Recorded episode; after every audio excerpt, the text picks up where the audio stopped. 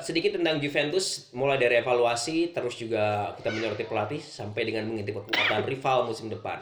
Dan yang terdekat sekarang ini jangan sampai lupa Juventus akan berhadapan dengan Lyon di eh, Champion League eh, yang kedua. Di babak eh, Sama ya babak pertama Juventus kalah 1-0 dari Lyon. Dan yang harus lebih diperhatikan bukan kekalahannya, tetapi pada partai itu di Lyon Juventus tidak satu pun shot on goal. Oh my god. Ya. Nah, sekarang sekarang untuk mengobati kekecewaan para para Juventino seluruh dunia, para Juventini seluruh dunia, eh, Juventus harus menang berapapun skornya. Eh, sebagai perbandingan, Juventus baru mengakhiri musim ini minggu yang lalu, ya kan? Berarti otomatis masih ada feel feel pertandingannya. Lyon juga sama, baru menyelesaikan pertandingan itu di final Coppa kalau kalau kalau di Italia mah Coppa Italia lah.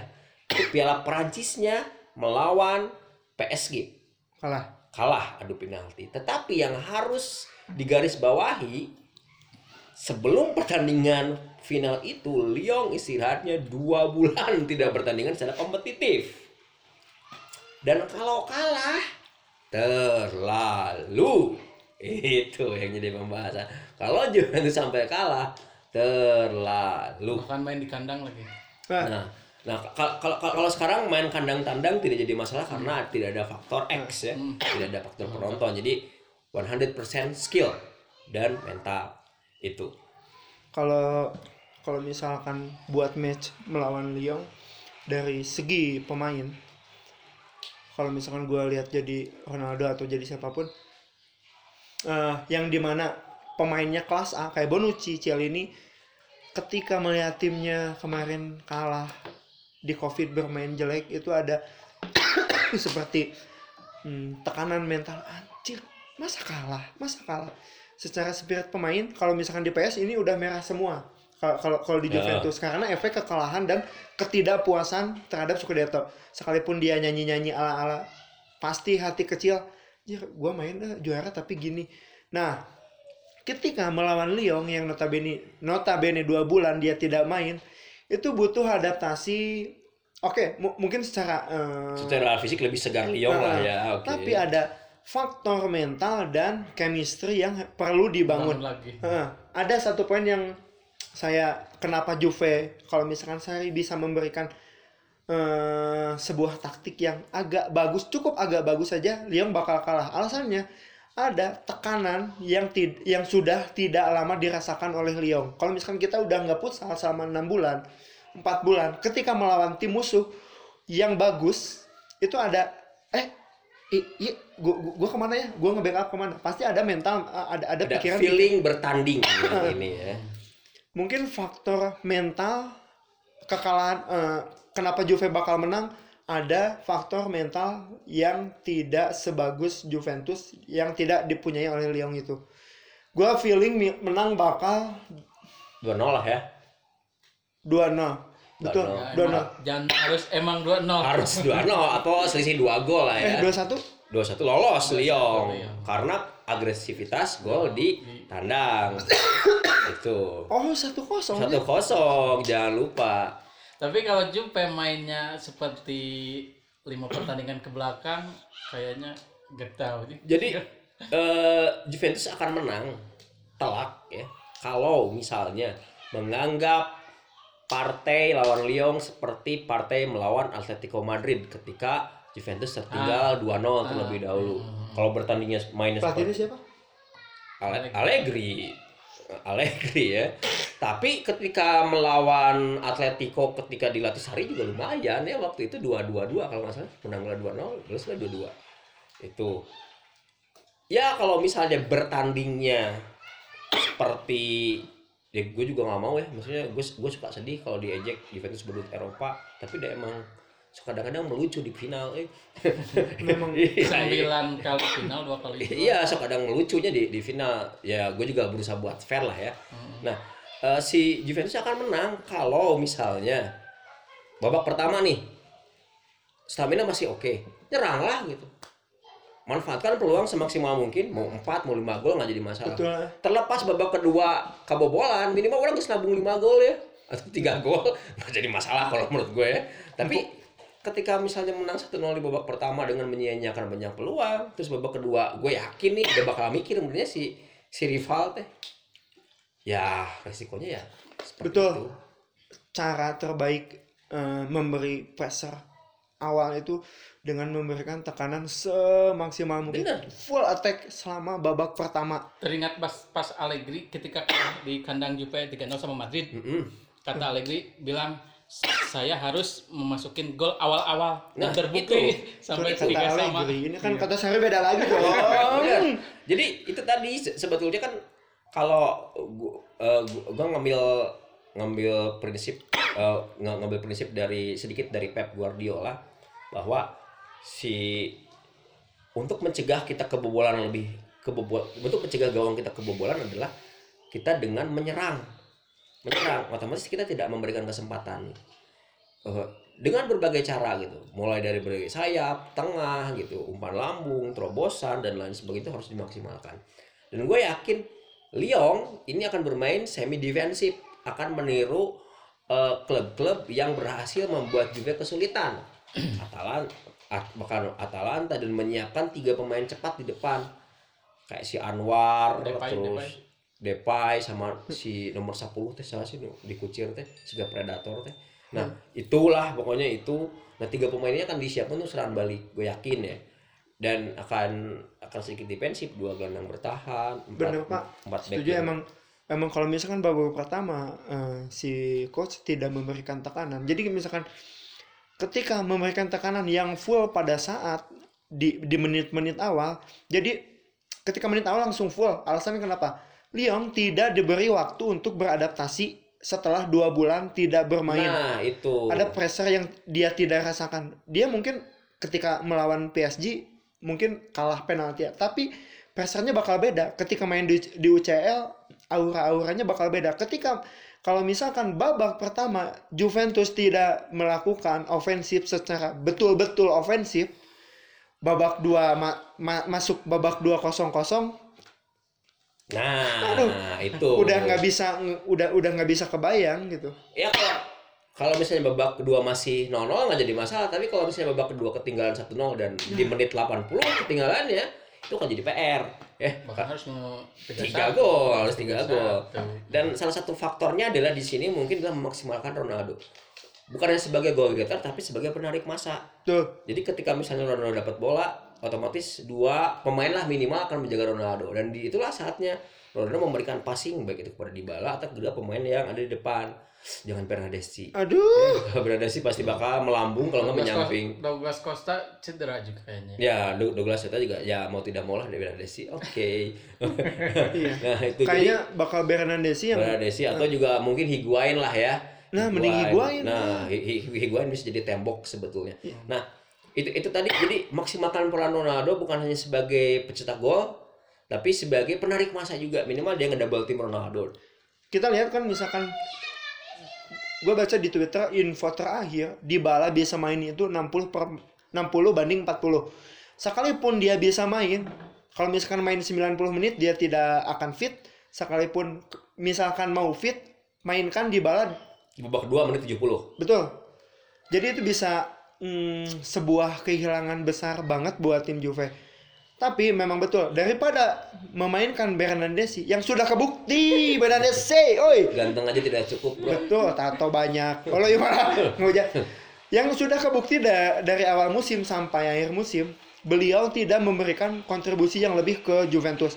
Maka Higuain adalah sosok yang tepat. Alasannya kenapa ada hmm, faktor pengalaman dan mental yang insting gol juga. betul, Ya, betul. insting gol bisa bisa mungkin nggak bisa nyerang ya di ya minimal sekali. jadi pemantul Bisa. lah ya jadi, Iyalah. jadi jadi jadi tembok lah ya jadi tembok dan kesimpulannya adalah ketika melawan eh, Lyon harus menang dengan selisih dua gol Jadi minimal ya. kalau misalkan Higuain main di tengah, Ronaldo di kiri, di kanan, Cuadrado. bisa Cuadrado dan Cuadrado kemungkinan bakal jadi bek kanan Ya, kalau. Betul, atau juga mungkin sedikit nge- eh, ngemodifikasi kalau misalnya mau pakai 4-2-3-1 si Pjanic bisa main lah ya.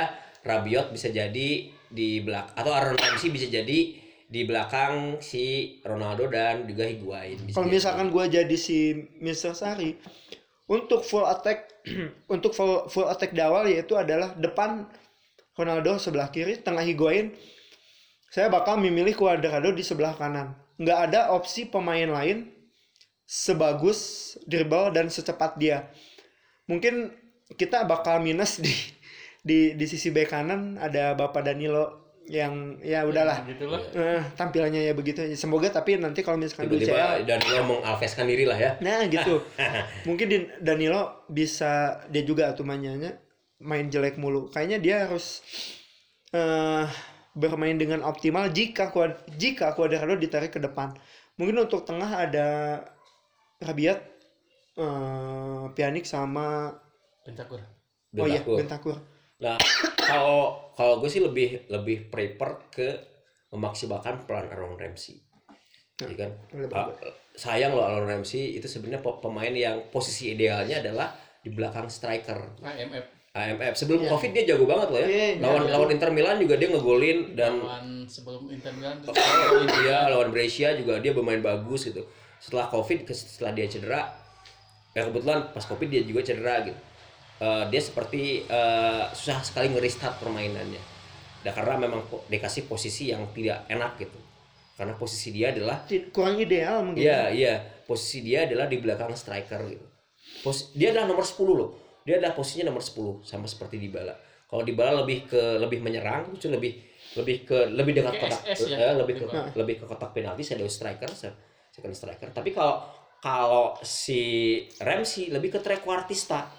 Ya, jadi, jadi antara tengah dan dan depan itu ada dia gitu. Nah, kalau kalau aku lebih daripada memaksakan Bernadeschi ya Tuh. le- lebih baik lebih baik ya Ronaldo dengan Higuain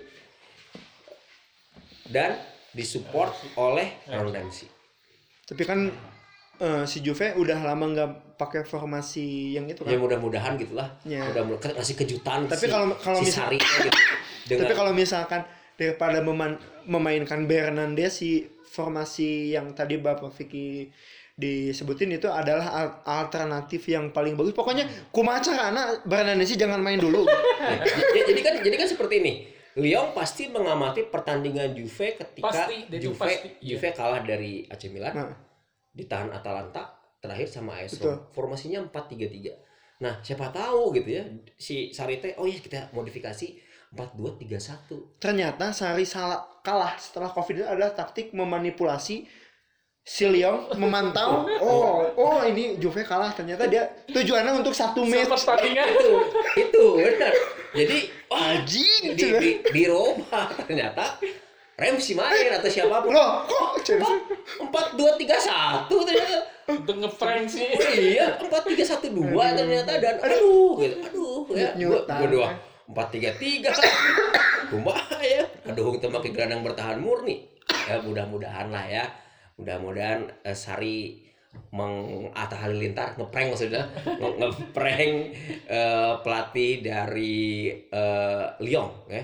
Pelatih Lyon kan mantan pelatih Roma udah. Siapa? Siapa sih si anu kian teh? Mantan pelatih Roma oh, Ai di di mana? Di oh beda. Glik sama Monaco nya Iya benar. Si Camille Glick itu Monaco. Oke, ada tambahan lagi untuk coach mengenai eh, pertandingan eh, Juventus. kapan itu Pak Sebentar, saya lihat Juventus 8 lawan kayaknya ya Di- 8 9 dilihat dulu ya. sok dilihat dulu nanti Juventus eh, lawan eh Lyon. Olympique Lyon. Lyon ya. Juventus lawan Olympique Lyon itu eh tata ya. Nungguin ya Iya, tanggal 8 ya. jadi Eh, hari Jumat, Jumat, Jumat sekarang. malam Jumat Ya, jadi ini Sabtu dini hari, berarti Jumat sekarang. Tanggal 8 Jam? dini hari ya, start jam itulah sat- 2.45 2.45 lah biasanya. biasanya iya. Itu Di? eh, SCTV ya, SCTV biasa setelah FTV kita akan menyaksikan pertandingan antara Juventus dengan Lyon. Dan mudah-mudahan Juventus setelah penantian eh, mudah-mudahan masuk final ke 10 ya. Dan juara di final ke 10 ya. Mudah-mudahan lah ya. Mudah-mudahan lah. Karena kalau misalnya nggak juara juga ini kesempatan sebetulnya. Karena memang lain juga baru kecuali Madrid ya. Madrid mah sebutut-bututnya Madrid pasti juara Liga Champion lah. Itu sama seperti sebutut-bututnya Juve pasti Scudetto. Ada tambahan coach kayaknya. udah. Udah? Oh ya wow ya. Berapa lama ya? Berapa? Berapa lama kita Eh, obrolan kita? Lumayan dari mulai setengah satu jam setengah. satu jam setengah. Baiklah para eh, Juventino seluruh dunia terima kasih banyak kebersamaan eh, kita di podcast kali ini.